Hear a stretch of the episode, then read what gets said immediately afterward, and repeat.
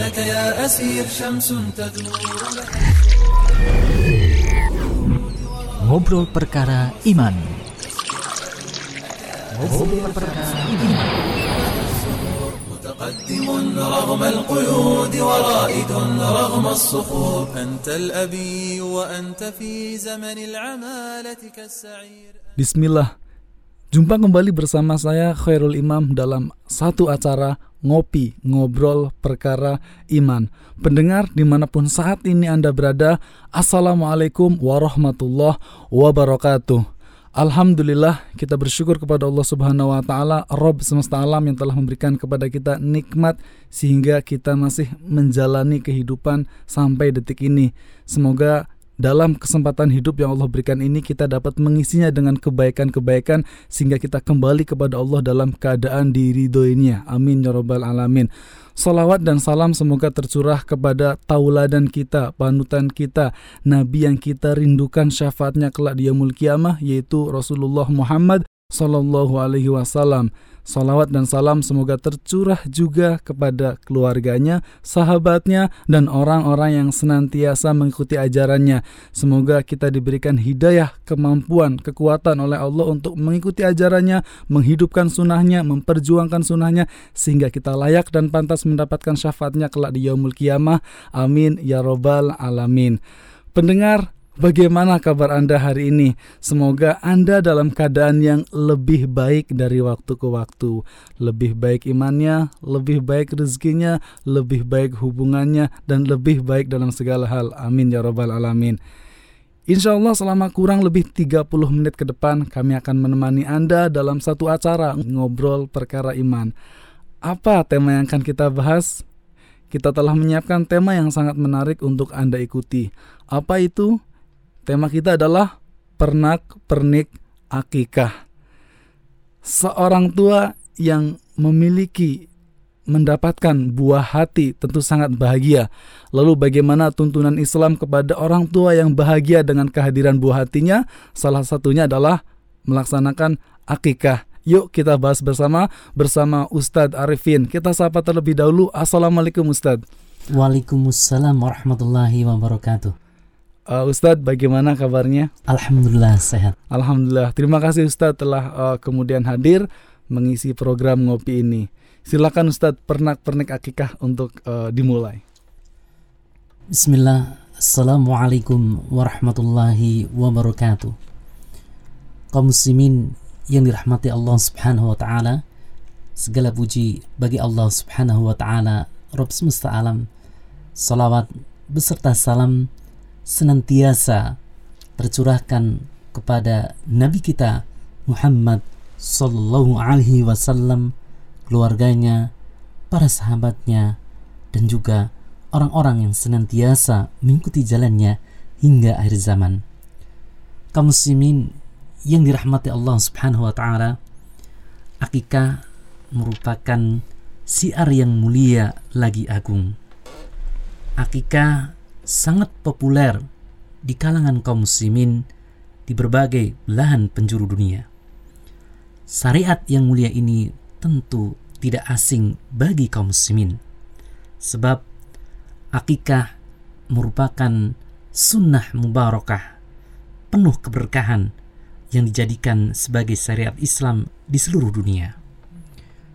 Kaum muslimin yang dirahmati Allah Subhanahu wa taala boleh dikata hampir setiap hari ada saja jabang bayi yang baru terlahir di kalangan kaum muslimin, yaitu dari rahim-rahim suci kaum muslimin. Bayi tersebut memiliki hukum-hukum Islam pasca kelahirannya. Di antaranya adalah syariat akikah bagi sang buah hati. Kaum muslimin yang dirahmati Allah Subhanahu wa taala, sebagaimana kita ketahui bersama bahwa syariat Islam ini adalah syariat yang sempurna dan syariat Islam ini mengatur segala bidang, maka syariat Islam pun mengatur secara terperinci tentang masalah akikah ini. Insya Allah pada kesempatan kali ini kita akan bahas tentang pernak-pernik akikah. Iya, Terima kasih Ustadz Arifin atas uh, prolog atau pembukanya tentang tema kita yaitu pernak pernik akikah yang menjadi pertanyaan sebagai obrolan di program ngopi ini. Yang pertama adalah kemudian lalu apa sih uh, yang dimaksud akikah? Apa definisinya?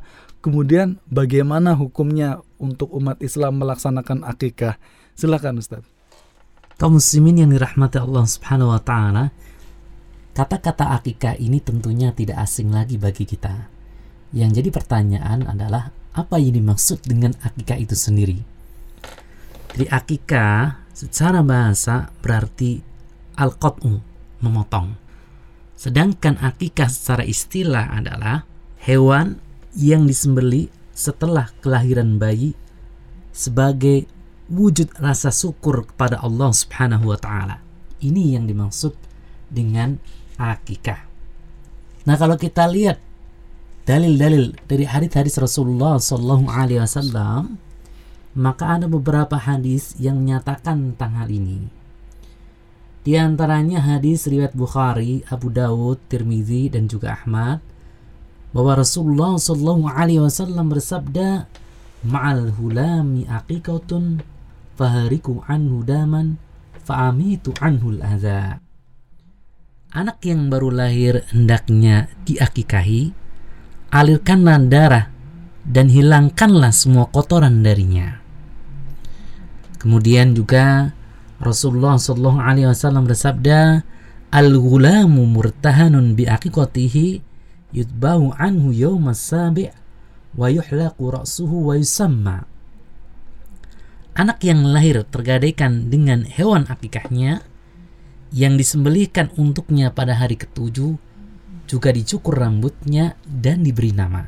Hadis riwayat Tirmidzi, Ibnu Majah, Abu Daud dan juga An-Nasai. Dari hadis Rasulullah Shallallahu Alaihi Wasallam ini, maka beliau menginformasikan kepada kita bahwa anda syariat akikah, syariat yang agung. Akikah merupakan ibadah yang mulia namun sangat disayangkan pada zaman now atau pada zaman sekarang syariat akikah ini mulai pudar ya. Tergantikan dengan apa? Dengan ulang tahun. Setiap tahun anak ya, dirayakan hari kelahirannya. Namun sangat disayangkan akikah ini mulai tergerus. Syariat akikah ini mulai hilang. Jadi hendaknya kita hidupkan kalau kita hidupkan syariat akikah ini, kita mendapatkan pahala besar sekali sisi Allah Subhanahu wa taala. Misalkan suatu daerah A situ penduduknya tidak melaksanakan akikah. Ketika kita tinggal di situ, kemudian kita memiliki buah hati, lantas kita mengakikahi buah hati kita, kemudian tetangga-tetangga kita mengikuti kita, mencontoh kita, berarti kita mendapatkan pahala besar.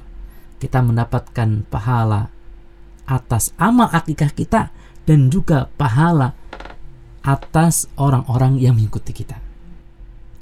Kaum muslimin yang dirahmati Allah Subhanahu wa taala, bayangkan kalau yang mengikuti kita itu ada setahun ada lima orang saja, ya lima orang satu tahun berarti kita mendapatkan pahala dari akhir kita sendiri dan juga kita mendapatkan pahala dari lima orang.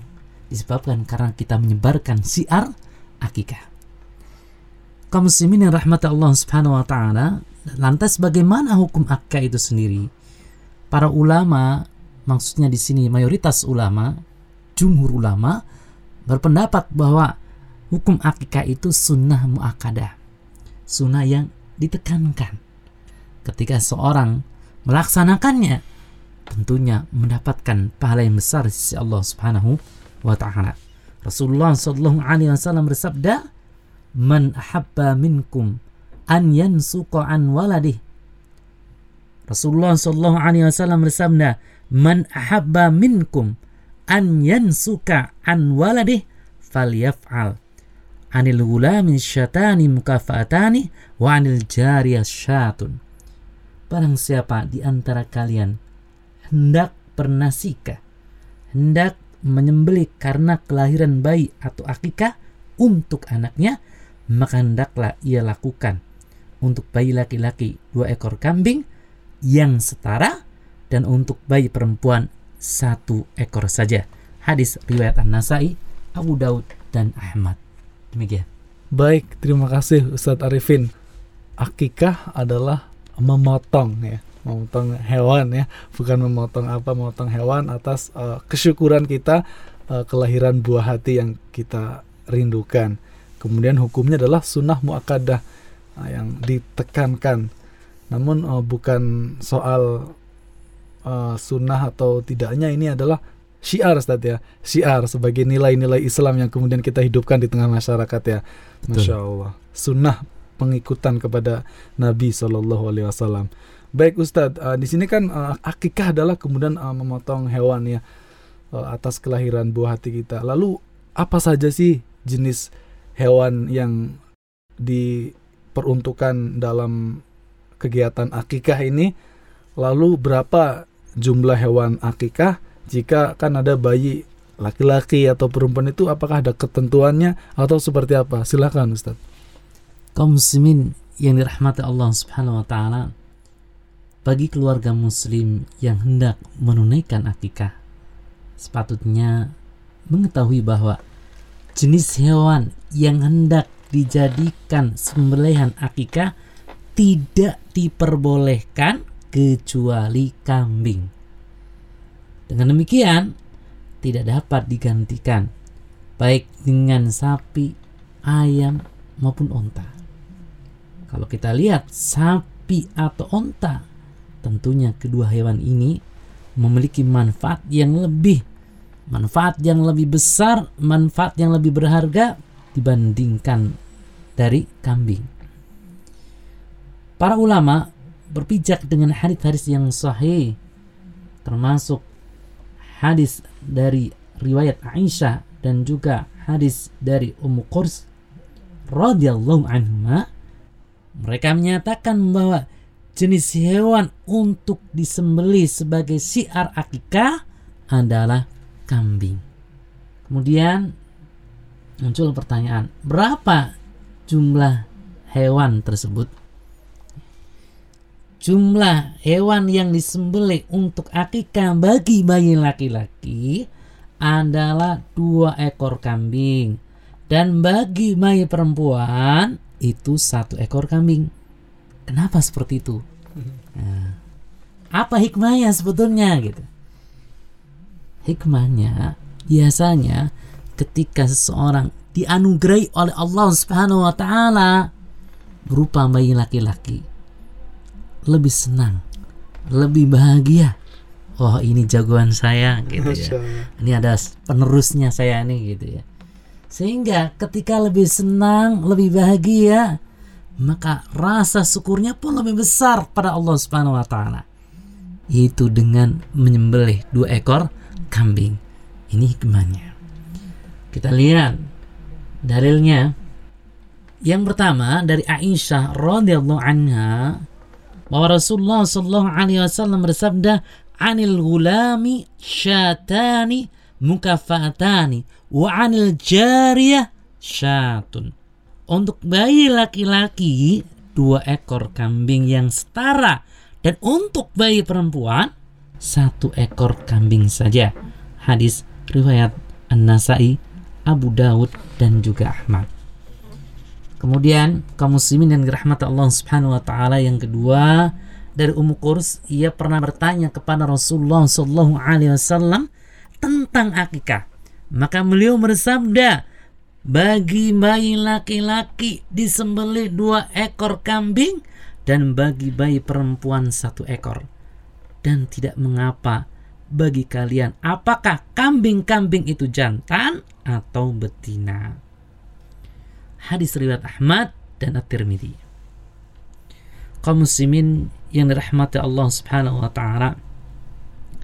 Dengan demikian, dari dua hadis tersebut kita bisa mengambil faidah bahwa ketika seorang memiliki bayi laki-laki sedangkan ia ingin berakikah maka hendaknya ia akikah dua ekor kambing. Sedangkan ketika ia memiliki bayi perempuan, berarti akikahnya satu ekor kambing.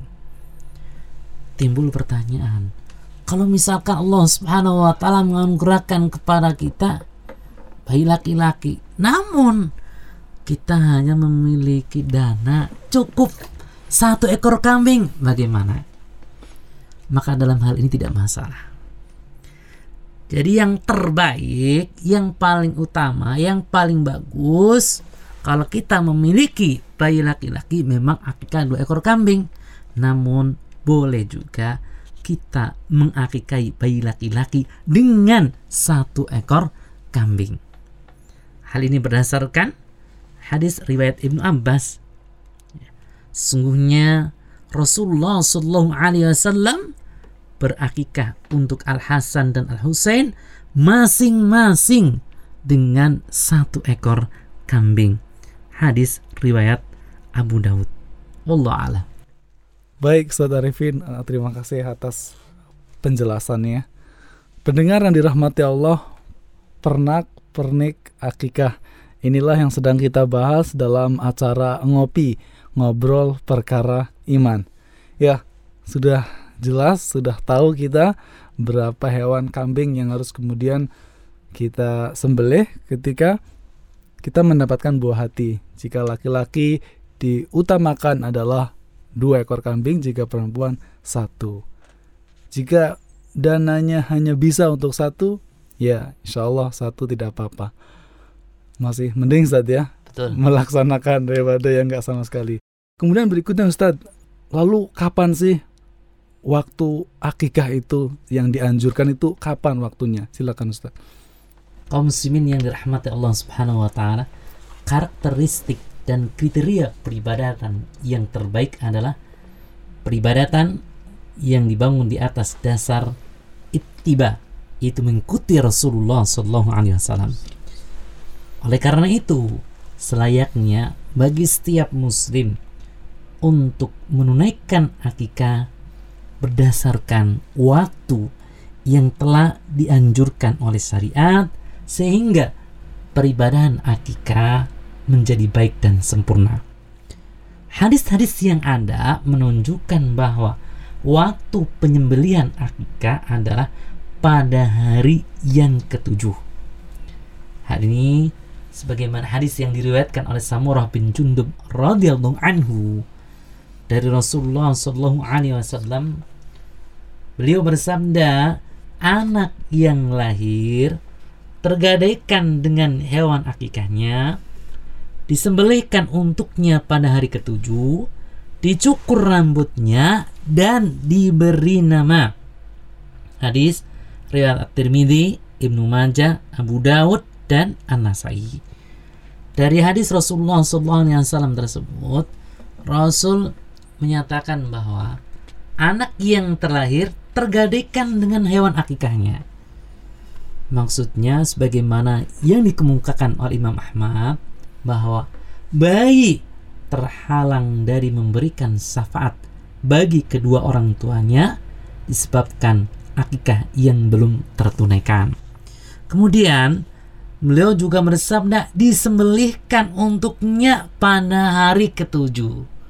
Sehingga para ulama sepakat bahwa dianjurkan untuk berakikah pada hari yang ketujuh dari kelahiran bayi. Kemudian juga ada hadis dari Amr bin Su'aib rahimahullah dari bapaknya dari kakeknya yang mengatakan bahwa Nabi memerintahkan untuk memberi nama bagi anak yang lahir pada hari ketujuh dari kelahirannya menghilangkan kotoran darinya dan mengakikahinya hadis riwayat Tirmidzi. Sehingga Berbicak dari hadis ini dan juga hadis sebelumnya, maka penyembelian hewan akikah dilaksanakan pada hari ketujuh dari hari kelahirannya. Timbul pertanyaan nih, cara menentukan hari ketujuh itu bagaimana gitu? Cara menetapkan hari ketujuh itu bagaimana gitu. Jadi cara menetapkan hari ketujuh itu kalau anak tersebut lahir dari mulai ba'da subuh sampai sebelum maghrib ya maka menetapkan hari ketujuh adalah sehari sebelum hari kelahiran bayi. Ya. Misalkan bayi lahir pada hari Ahad pukul 9. Ya. Berarti akikahnya dilaksanakan di hari Sabtu. Nah, bila bayi terlahir pada hari Selasa ya pukul 5 sore maka hari ketujuh. Kapan itu? Hari Senin. Ya ini caranya. Beda lagi kalau misalkan lahirnya maghrib atau malam atau sebelum fajar. Maka akikahnya hari itu. Hari ketujuh itu hari itu. Misalkan bayi lahir hari Rabu pukulnya 20 jam 8 malam. Jam 8 malam. Iya, berarti akikahnya hari Rabu. Ini cara penentuan hari yang ketujuh. Kemudian, kalau misalkan hari ketujuh luput atau terlewat, ya, bagaimana nih, ya, Imam, ya, misalkan kita ternyata pas hari ketujuh tidak memiliki uang gitu ya Hmm. untuk membeli kambing gitu. Maka boleh kita laksanakan pada hari yang ke-14 atau juga boleh kita laksanakan pada hari yang ke-21. Dalilnya mana? Dari Buraidah radhiyallahu anhu dari Nabi Muhammad sallallahu alaihi wasallam bahwa beliau bersabda akikah disembeli pada hari ketujuh atau hari ke-14 atau hari ke-21 hadis riwayat Baihaqi sekarang pas hari 14 atau hari 21 telepon juga. Belum ada juga. belum ada juga gitu ya. Gimana? Maka diperbolehkan baginya berakikah pada hari sudahnya. Meskipun sudah berlalu satu bulan atau beberapa bulan meskipun sudah berlalu satu tahun dua tahun ataupun tidak tahun atau tiga tahun ya. Jadi meskipun sudah berlalu satu bulan atau beberapa bulan atau satu tahun atau dua tahun atau tiga tahun sesuai dengan apa kemampuan dan kelapangan rizki yang Allah Subhanahu wa taala karuniakan kepada kita.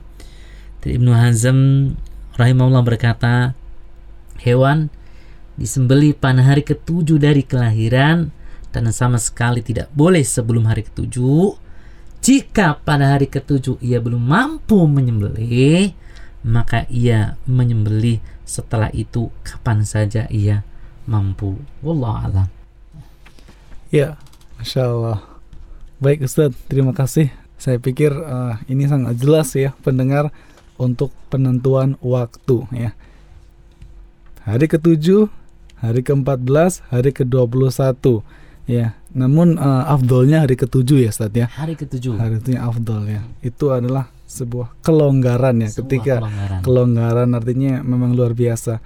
Bahkan jika terlewat satu tahun pun kita masih diberi kesempatan untuk mengekspresikan kebahagiaan kita terhadap buah hati kita. Betul, Masya Ah, Allah. Imam. Kalau di madhab Syafi'i, ketika seorang tak mampu melaksanakan akikah pada hari yang ketujuh, maka boleh laksanakan sebelum hari 40. Kalau tidak bisa juga, maka juga boleh laksanakan sebelum 2 tahun. Kalau tidak bisa juga, maka boleh dilaksanakan sebelum anak itu mencapai usia balik. Kalau sudah mencapai usia balik, bagaimana? Ya, ah, imam udah besar gitu ya, anak balik ini gimana gitu ya. Kalau menurut madhab syafi'i, ya orang tuanya udah gugur, Hmm. orang tuanya udah gugur untuk melaksanakan akikah anaknya. Lah bagaimana untuk anaknya sendiri? Menurut anaknya, kalau menurut madhab syafi'i boleh. Ya meskipun sudah dewasa, maka Hmm. boleh mengakikahi dirinya. Ini menurut madhab syafi'i. Tapi kalau menurut madhab yang lain, itu tidak diperbolehkan. Hmm. Jadi ini masalah yang lapang, masalah yang luas. Kami kembalikan saja kepada para pendengar. Ya. Masya Allah. Tuh, kami kembali ini, ini adalah masalah yang lapang, ini adalah masalah yang luas. Kami kembalikan kepada kaum muslimin. Masya Allah. Terima kasih. Jadi pelajarannya adalah eh, setiap kita mempersiapkan diri ya, apalagi orang tua atau atau yang calon orang tua ya, mempersiapkan diri ketika menikah memiliki lahir buah hati yang kita sangat dambakan, maka berbagi kebahagiaan dengan akikah. Alangkah indahnya. Baik Ustaz, berikutnya Ustaz. Lalu dalam akikah ini apakah boleh Ustaz mengadakan semacam walimah akikah? Bagaimana Ustaz kalau untuk ini? Ya, kaum muslimin yang dirahmati Allah Subhanahu wa taala, boleh bagi kita mengadakan walimah akikah.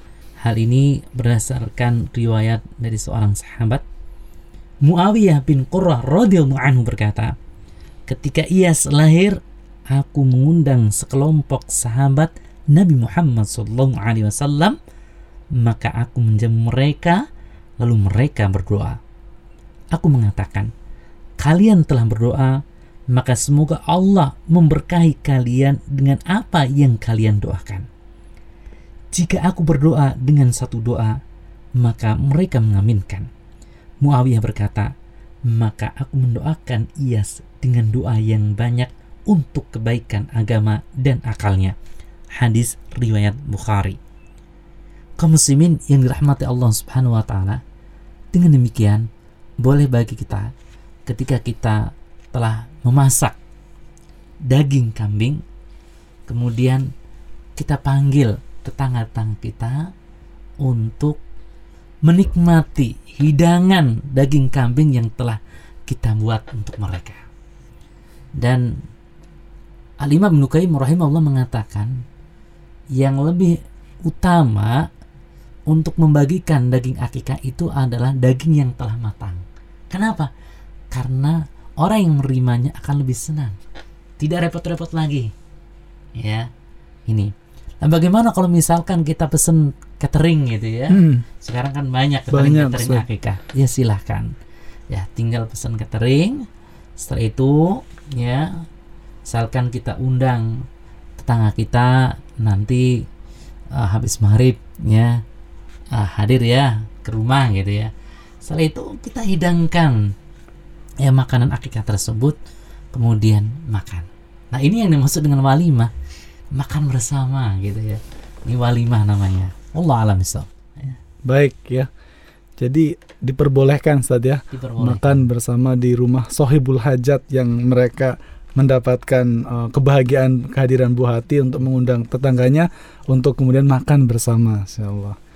Baik, uh, berikutnya Ustaz sebagai pamungkas Ustaz ya.